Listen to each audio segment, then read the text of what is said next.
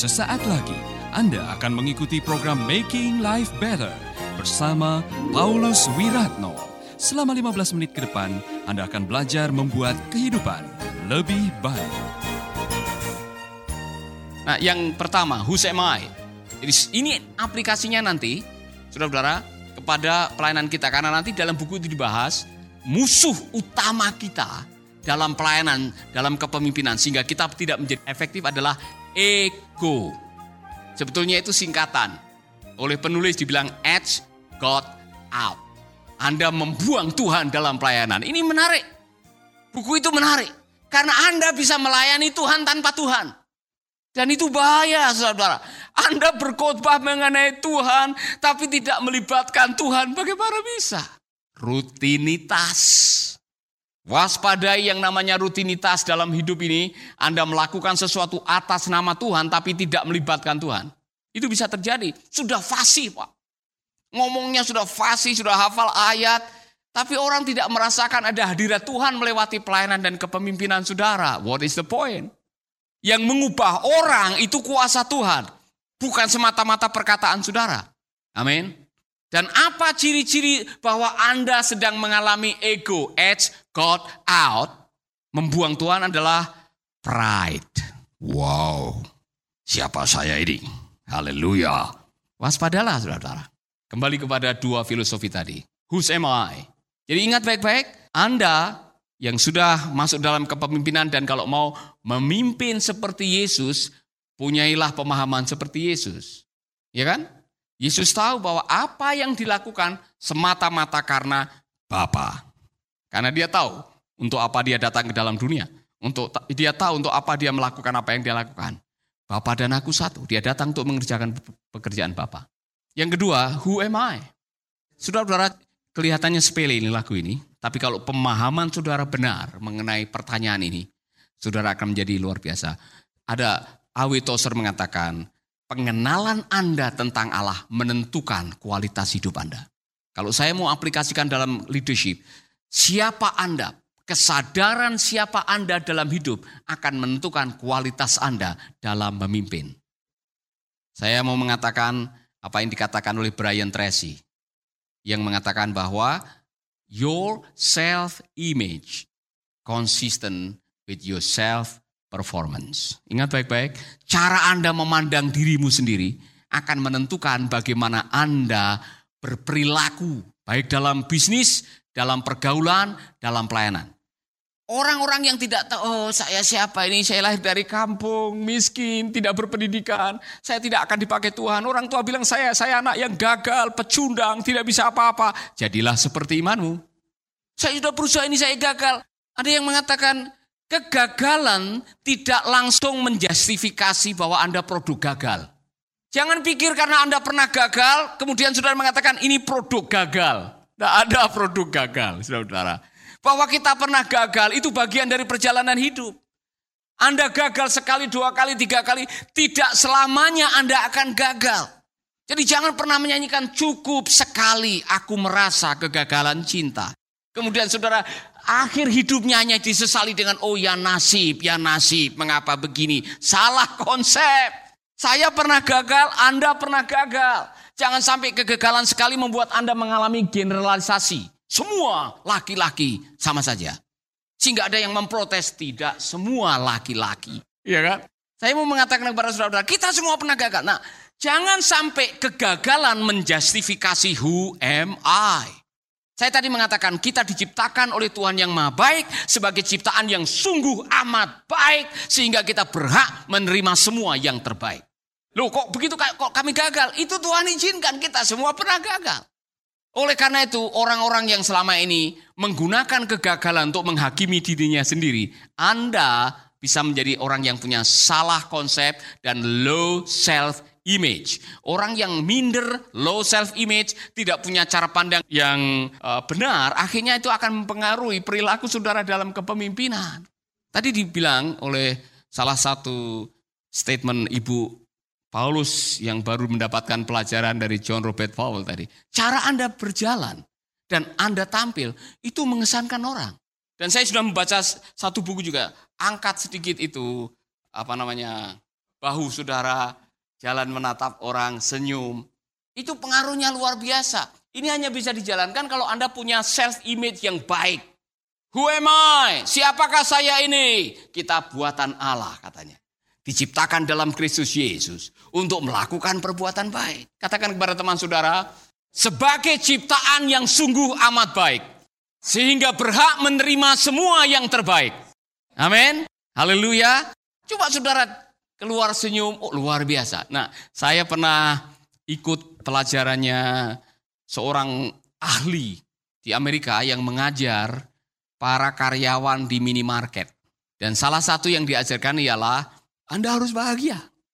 Karena orang yang bahagia, happy, itu punya pengaruh. Sama dengan pemimpin, kalau Anda sendiri tidak yakin, Anda minder, Anda kurang percaya diri, akhirnya Anda menjadi pribadi yang tidak yakin. Kalau dengan dirinya sendiri aja Anda tidak yakin, bagaimana bisa meyakinkan pengikut saudara? Amin. Anda masih bersama Paulus Wiratno di Making Life Better.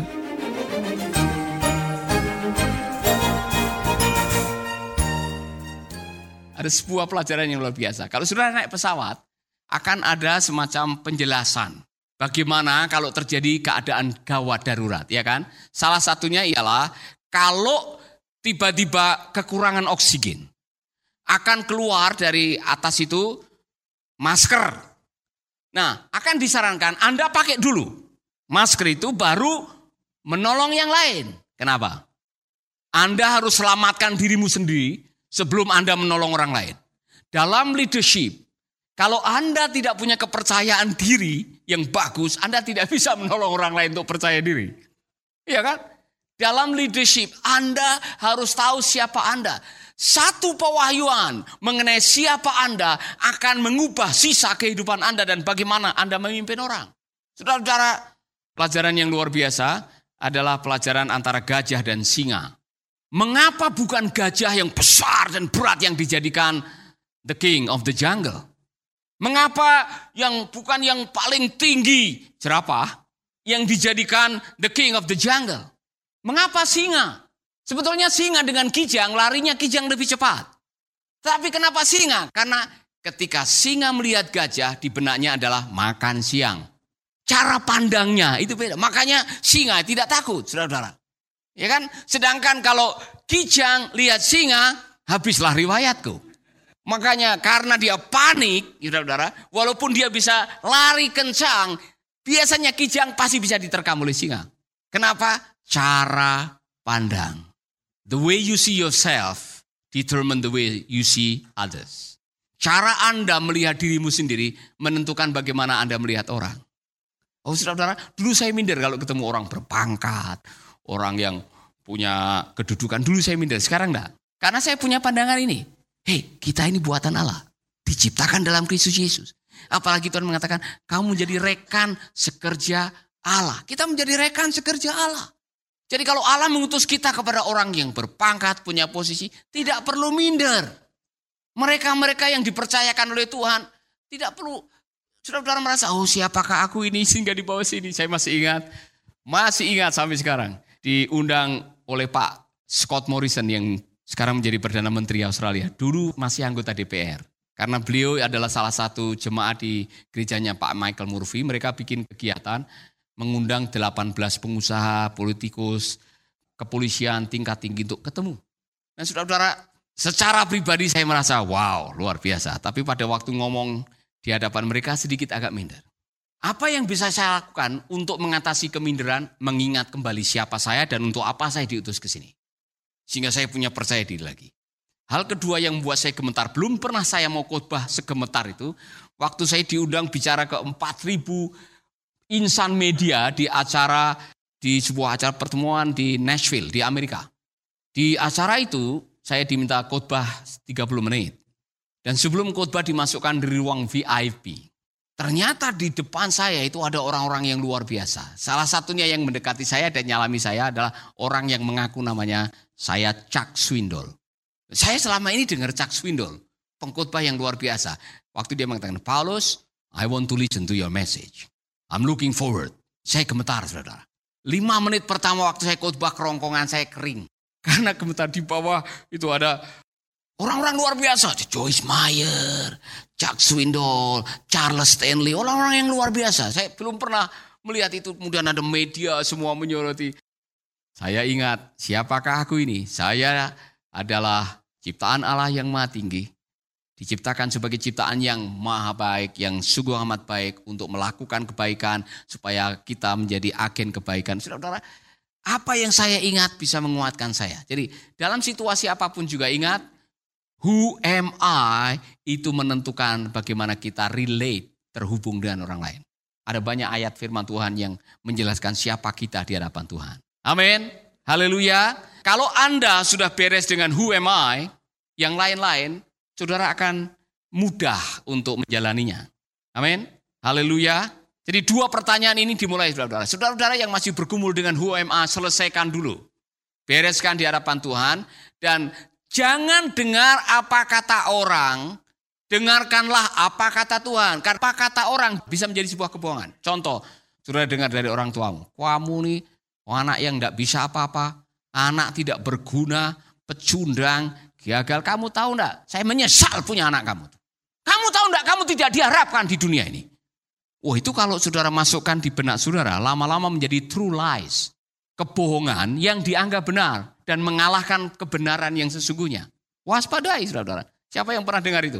Nah, waspadai, the true lies itu yang mem membuat Anda tidak bisa sebagaimana Allah mau. Maka ingat baik-baik, cara iblis untuk membuat manusia tidak berdaya adalah disesatkan supaya percaya kebohongan. Oh kalau kamu makan ini kamu akan menjadi seperti Allah. Bohong. Tapi Hawa percaya. Sehingga dia tidak berdaya dan kehilangan sesuatu yang penting dalam hidup ini. Ada banyak hal. Termasuk saya korban di situ. Kamu miskin, anak PKI, tidak punya apa-apa, tidak berdaya dari desa. Ya kan? Saya sempat menjadi pribadi yang minder, saudara. Di sekolah Alkitab ini saya minder sebetulnya dulu. Celananya tiga, baju tiga, dan kaos juga tiga. Saya akhirnya menggunakan apa yang menjadi keterbatasan saya. True lies tadi mendikte kelakuan saya. Apa yang saya lakukan ialah untuk mendapatkan pengakuan. Karena pengalaman penolakan tadi. Dan itu salah. Itu salah dalam kepemimpinan. Kita memimpin, kita dapat posisi, kita dapat gelar untuk mendongkrak siapa saya. Dan kita melayani, memberikan yang terbaik, performance yang terbaik. Bukan untuk the audience ones. Tuhan yang memiliki kita. Tapi untuk kemuliaan diri kita. Waspadai saudara-saudara. Saya pernah menjadi korbannya. Resikonya adalah kalau Anda melakukan semua yang Anda lakukan sebagai pemimpin untuk diri sendiri walaupun atas nama Tuhan, Tuhan tahu bahwa Anda mencuri kemuliaannya. Tuhan tidak bisa dibohongi. Amin. Apa akibatnya? Akibatnya kita berjuang melakukan semua yang kita lakukan untuk saya, saya, saya. Dan itu adalah ego. Edge God out. Waspadai itu. Itu akan terjadi dalam hidup saudara. Maka kita sekarang harus belajar untuk semua kuberi pada Yesus. Konsekuensinya seperti itu. Amin.